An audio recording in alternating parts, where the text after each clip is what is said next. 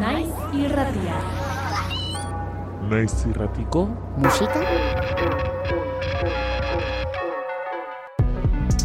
Lula, Kaixo naiz irratiko entzule. Lula, Abesti honen bitartez Lula, Gozatu. Pilula, Ea, ea. Naiz irratiko musika pilulak.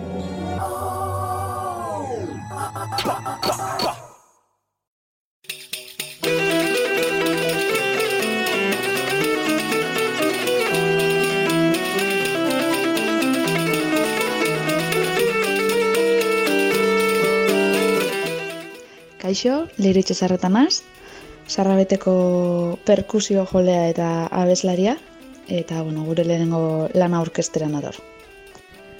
Pandemia garaian sortutako egitasmoa da sarrabete.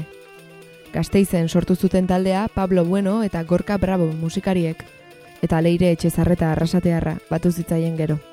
Proiektuari izena ematen dion musika tresna dago, haiek egiten dutenaren erdigunean, eta haren inguruan ardazten dira kantuak. Zarrabetearen doinuak berreskuratzeko asmoz plazaratu dute haien lehen lana. Asmo nagusia do izan zen, zarrabetean e, doinuak berreskuratzea. Zarrabetea da instrumentu bat, galerrian meretzegarren mende inguruan eiko zabalduta egon sana, baina ba, gero urtiekin e, ba, ez dana, ez dana hor mantendu, eta gaur egun ba, bastante ba, galdu da hemen, ez? Orduan, doinu horrek pixkat berreskuratzea aldera elkartu ziren Elka Bravo Barreiro eta Pablo Bueno, eta mm, gorkak jotzen dauz zarrabetea eta Pablok e, buzukia.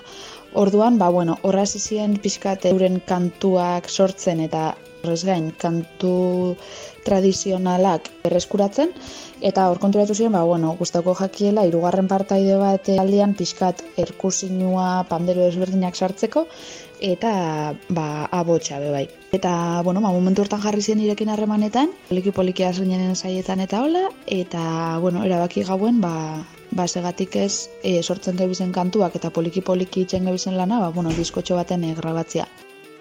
Sarrabeteren diskoan, kantu tradizionalak eta kantu originalak tartekatuta aurkituko ditugu, baita instrumentalak eta letradunak ere. Autoekoizpena izan da taldearen lana, etxekoa, kide guztien artean mimatutako zortzi kantuz osatua.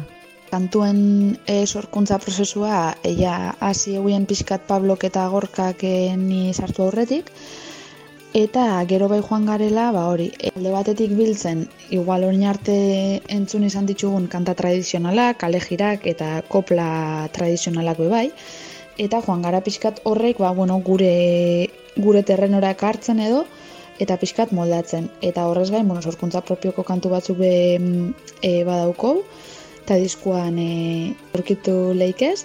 Eta, bueno, horrek pixkat egin dituguna izan da, ba, bueno, bakoitzak ideiak eta euki, izan, euki dituenean etxean, ba, gero pixkat aman komunean jarri, eta, bueno, ba, bat abestien aportazioekin eta ba, sortu ditugu horregun bat aldianak dien kantuak. Guk grabau gure baliabidiekin, azte izen grabau dugu, ensaietarako erabiltzen dugun e, lokalian bertan, gu irurok arduratu gara hortaz, Pablokin da una asketa eta hortaz, bueno, bera arduratu da. Adibidez bere Pablo Nanaiak induzku diskan diseinua, Borja Tribiñok atara duzku argazkiak, eta bueno, pixkat hori ba, inguruko jendeakin eta ba, lortu dugu grabatzea gure lehenengo lan hau. Zarrabetea ardatz, kantu tradizionalak naiz beste eremu batzuetatik datozenak folk estilo propioz jantzi ditu hirukoak. Ezoikoa da haien diskoa, eta gauza berriak eskainiko dizkio entzuleari, taldeko leire etxezarretak aitortu digunez. Bueno, ba, nik uste diskonen barruan aurkituko da dela e, folk estiloko musika hori bai. Doinuak, e, igual, bueno, ba, mundu hortan oso sartuta ez dagoen jendiantzat, ez diolan igual oso doinu ezagunak edo ez, esango. Lehen esaten bezala, igual Euskal Herrian momentu hontan ez da edatuen dauen musika estilua. Eta niri beha, ziren, adibidez, berrixa, nahiko berrixain jaten, ez?